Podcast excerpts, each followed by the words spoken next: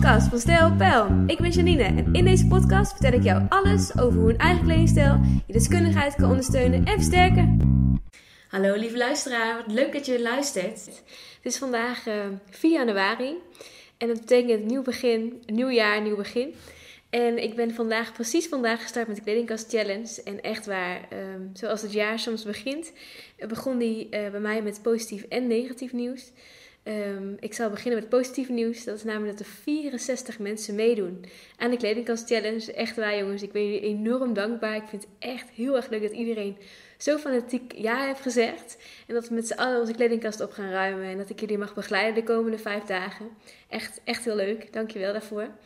Maar ja, nu ook eigenlijk even het negatieve nieuws. Um, Oudejaarsdag kreeg meteen verhoging en um, moest echt getest worden op het coronavirus. Ja, en het is wat het is, dan moet je de regelgeving volgen. Dus onze Oudejaarsdag uh, was iets anders dan gepland. We lagen uh, op tijd in bed. En de volgende dag kreeg hij de uitslag. Um, of hij moest getest worden. En toen kreeg hij s'avonds de uitslag dat hij dus positief was. Ja, en dan uh, krijg je van het een het ander. Komt aan het rollen. Dus ik kon mijn afspraken die er waren. In ieder geval één op één wat nog wel door kon gaan. Die moesten worden verzet. Nou ja, het is wat het is. Dan moet je in quarantaine. En dat is zo. Gelukkig is hij niet heel erg ziek. Hij is vooral heel erg moe. En ja, we slepen ons hier echt wel weer doorheen. Um, maar het positieve hieraan is weer dat ik dus um, zelf een heleboel dingen besefte. En dat is helemaal niet leuk, want ik weet niet of je dat meegemaakt, maar dan moet je dus uh, uit elkaar. Je mag niet bij elkaar in één ruimte slapen. Uh, je mag ook niet met elkaar uh, in één kamer zijn. Dus wanneer hij in de keuken is, moet je dus naar boven. Um, nou ja, je wordt heel creatief hoor, dus het komt wel goed. Maar het is best wel dubbel, alsof je met een huisgenoot samenleeft in plaats van met je partner. Nou ja, we zijn er doorheen gekomen. Maar ik moest dus ook even kledingstukken voor mijzelf voor de komende weken uh, apart leggen. En dat heb ik in gauwigheid gedaan. Dus gewoon gedacht, oké, wat heb ik een beetje nodig? Dus ik heb heel snel wat ondergoed, wat uh, um, kledingstukken, wat sokken, schoenen bij elkaar geraapt. En het mooie hieraan wel is dat je dus heel creatief wordt. Dus ik, vanmorgen had ik maar keuze uit uh, zes of zeven kledingstukken. En dat was het gewoon. Ja, en dat had ik eigenlijk zelf van mezelf nooit verwacht. Want ik had al een veel minder grote kledingkast als vroeger. Um, en jullie gaan uh, ook wel wat meer over mij horen. Want ik had. Ja, ik zal het gewoon eerlijk vertellen. Vroeger had ik enorm veel kleding. Echt niet normaal. Het paste niet eens meer in de kast. En iedere keer kocht ik wel wat nieuws. En ik had altijd wel een reden om iets te kopen. Dus je kunt je voorstellen hoe mijn kledingkast eruit zag. Echt gewoon bommetje, bommetje vol. En was het wanneer we dan echt naartoe gingen, of we gingen uit, of ik ging naar school, wist ik nooit wat ik aan moest doen. Want er hing zoveel dat ik iedere keer van gekkigheid niet meer wist wat ik aan moest trekken. En dat was ik gewoon heel veel tijd aan kwijt. Maar ik had ook altijd een beetje twijfel of het iets me wel of niet stond.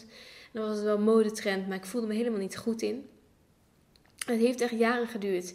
Ik heb Molyceum gevolgd en werd het eigenlijk alleen maar erger, want ik wou alle trends volgen. Ik wou precies mee met de mode. Ik deed in het weekendje, deed, in, de weekenden deed ik een weekendbaantje. Ik wilde snel. in de weekenden stond ik in de winkel en daar werd ook van mij verwacht dat ik uh, natuurlijk up-to-date uitzag. Um, dus daar kocht ik ook nieuwe kleding en ik had daar gewoon mijn setjes die ik daar aandeed. Want die had ik van mezelf gekocht natuurlijk. Maar dat zorgde er wel voor dat mijn kledingkast enorm, enorm, enorm vol was. Dus dat ik naar school ging, ja, had ik natuurlijk gewoon veel meer tijd nodig dan een ander. Want ik wist niet wat ik aan moest doen. Op tijd dat we uitgingen, we gingen natuurlijk in het weekend vaak uit. Um, wist ik echt niet wat me goed stond en waar ik me goed in voelde. Ik was super onzeker. Ja, en het heeft eigenlijk jaren zo geduurd. En um, nou, toen kwam op een gegeven moment kwam de. Toen ging ik in fulltime in de winkel werken. En het werd makkelijker, want toen moest je gewoon kleding van de winkel aan. Nou ja, per seizoen kocht je dan nieuwe setjes. En dan was ik gewoon in het werk met setjes die ik had gekocht. Dus dat werd wel makkelijker. Maar gaandeweg um, merkte ik ook dat heel veel kleding niet versleten was. Dus ik had heel veel dingen nog van seizoenen ervoor. En ja, ik gaf wel eens wat dingen weg. Maar het was eigenlijk gewoon telkens een overvolle kledingkast. En op dagen dat ik vrij was, had ik dus nog heel veel keuze. Nou ja, op een gegeven moment ging ik dus... Um, um, fulltime, naast fulltime werken ging ik uh, ook een opleiding doen tot personal shopper. En toen dacht ik, ja, eigenlijk is het bizar dat ik zoveel kleding heb. Dus eigenlijk nergens voor nodig. Dus ik ben mijn hele kledingkast rigoureus doorgegaan. En ik heb alles gewoon op stapeltjes gezegd.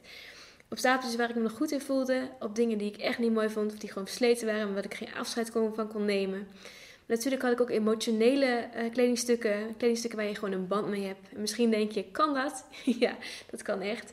Um, sommige kledingstukken heb je misschien gedragen um, bij bijvoorbeeld een crematie of bij een bepaalde gebeurtenis. En die hebben gewoon een waarde voor jou. Nou, ik begrijp het als geen ander. En wat ik heb daarmee heb gedaan, is gewoon in een mooie verpakking in mijn kledingkast een plekje geven. Of niet meer in mijn kledingkast, maar wel in huis een plekje geven. Zodat ik er niet elke dag meer aan word herinnerd. Maar dat het dus wel um, uit mijn kledingkast is. Maar het dus wel een plekje heeft gekregen. Nou ja, dat ben ik dus gaan doen. Dus ik heb de hele selectie gemaakt. Ik ben echt uh, nou ja, daar heel druk mee geweest. Ik heb alles nog een keer doorgepast. En op een gegeven moment bleef er dus een minimalistische kledingkast over. En wat ik daarvan ontdekte, was dat ik dus gewoon minder keuze had. Maar ik veel sneller klaar was. En ik me eigenlijk altijd goed voelde in wat ik droeg. Want er hingen geen stoorzenders meer in. En dat was zo fijn. Dat, ja, dat heeft mij heel veel gebracht. En nu met die kledingkast challenge hoop ik natuurlijk ook dat die andere deelnemers het ook gaan ervaren. Dat ze denken, hoe, het voelt best wel een beetje eng om dingen weg te gooien misschien. Of, ah ja, moet ik dat wel of niet doen? Maar echt waar, wanneer je het gaat doen, het gaat je heel veel opleveren. Niet alleen in tijd, maar ook in zelfvertrouwen en in keuzestress. Want je krijgt gewoon veel minder keuzestress daarvan. Want de twijfel-items voelde je waarschijnlijk nog toch nooit goed in. Tenminste, ik voelde me daar nooit echt heel goed in. Ik droeg het wel omdat ik het had gekocht. Wat heb ik dus ervaren in deze quarantaineperiode? Vanmorgen had ik dus een online afspraak en ik had dus niet veel keuze. Dus ik, ik dacht, oh ja, waar heb ik zin in? Nou, en de keuze was eigenlijk heel makkelijk en snel gemaakt. Dus ik was binnen no time klaar. En toen dacht ik, ja, dit is het voordeel van dus een minimalistische kledingkast. Met items waar je alleen maar blij van wordt. Met dingen die dus alleen maar goed staan. Ja, en dit besefte, dit um, zorgde ervoor dat ik dus weer werd bevestigd in mijn eigen uitspraken en in mijn eigen ervaringen. Uh, en dit is geen fijne periode, heel eerlijk. Het is uh, quarantainetijd, dus echt waar. Dit, gun je niemand. Echt niet, gun ik echt niemand. Maar het zorgt dus wel voor dat ik bij de kern kom en dat ik me ook bewust word van mijn eigen kernwaarden bijvoorbeeld. Ik uh, kom er heel erg achter dat ik mijn, mijn vrijheid enorm mis. Dat ik denk, oh, ik ga heel graag naar buiten en dat kan dus nu even niet. Uh, maar je wordt er wel creatief van. Want ik dacht, ja, weet je, dan ga ik uh, een dans uh, workout doen op YouTube. En ik ga, dus het, ziet er allemaal heel gezellig uit hier. nee hoor, dus, het is wat het is. We komen hier doorheen. Maar ja, je moet gewoon creatief zijn en het beste van maken. En dat heb ik nu dus echt wel geleerd in deze, ja, in deze tijd, in deze coronatijd. in de quarantainetijd. Dat je echt door creatief te denken en door mogelijkheden te denken, kom je gewoon verder. En um, ja, zo had ik vanmorgen een heel mooi gesprek met iemand uh, die ook ondernemer is. Echt waar, dat geeft dan zoveel energie. En dan denk je, ja, wat kan er allemaal nog wel? Ik heb dus uh, minder kleding om aan te trekken, maar ik word er heel blij van. En ik hoop dus dat de deelnemers van de kledingkastellen het ook gaan ervaren. Um, ja, dus ik ga van deze podcast ga ik weer van hot naar her. Ik hoor mezelf praten. Denk, oh ja, Celine, er zit weer geen richtlijn in. ik hoop dat je me begrijpt en een beetje snapt.